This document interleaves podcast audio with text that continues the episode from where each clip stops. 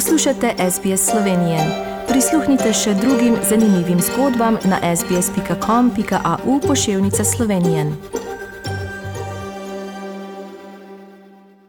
Lepo zdrav, dragi rojaki in rojakinje. V Sloveniji se epidemija umirja, politika pa še naprej bije hud boj. Konflikt na Bližnjem vzhodu pa razvaja tudi domačo javnost. Poglejmo podrobneje, kaj se je dogajalo čez teden. Življenje se v Sloveniji nekako počasi vrača v ustaljene tire. Dovoljene so kulturne prireditve v zaprtih javnih prostorih in na prostem. V šolske klopi so lahko znova sedli vsi srednji šolci, tudi študenti lahko predavanja poslušajo v živo. Sprostili so se tudi ukrepi v športu, dovoljeni so vsi treningi in tekmovanja, ta pa lahko v živo spremljajo tudi gledalci. Zaradi manjšega števila okuženih se vrača tudi splošno sledenje rizičnim stikom z nekaterimi organizacijskimi novostmi. Torej, gre za dolgoročni ukrep, ki bo v podobnih situacijah omogočal, da ne bomo v takih stiskah v številkah in iskanju visokorizičnih kontaktov in da bo delovanje epidemiološke službe še bistveno bolj učinkovito, tudi takrat, ko se število eh, primerov poveča.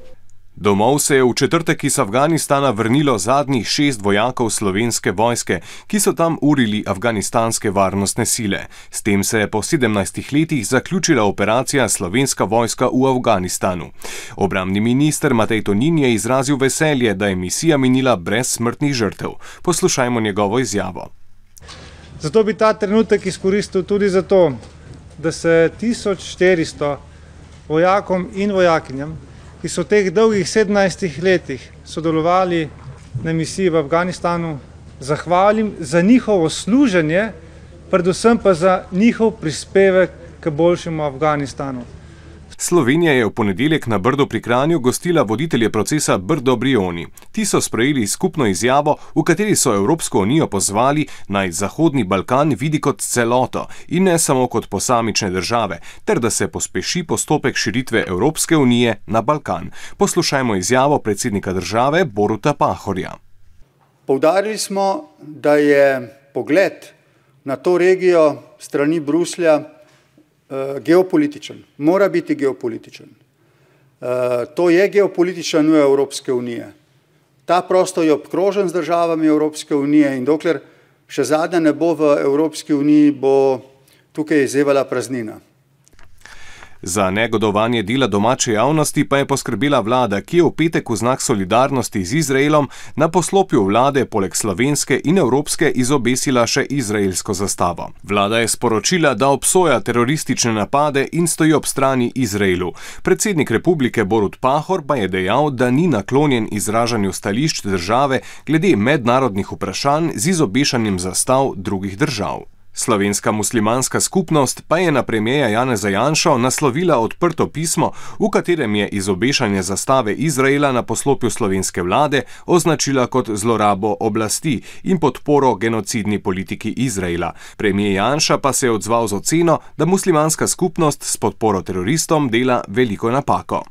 Tudi v parlamentu se je iskrilo. Državni zbor na začetku majske seje ni potrdil predlaganega dnevnega reda redne seje, kar se doslej še ni zgodilo.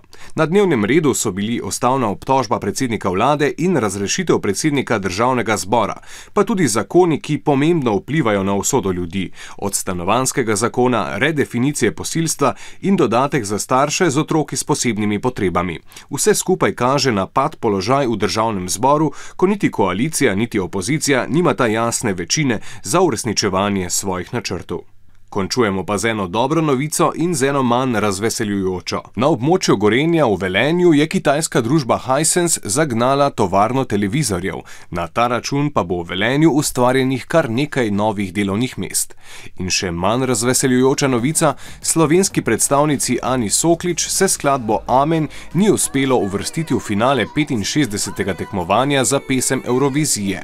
Sokličeva po izidu ni skrivala razočaranja pa se je pač zgodilo tako, kot se je. Kaj ne rečem, jaz še vedno stojim za svojo skladbo. Naprej v življenju mislim, ker se glasbe tiče, vedno na, delam na dolgi rok. Vesela sem, da ste bili z mano, uh, upam, da boste tudi naprej.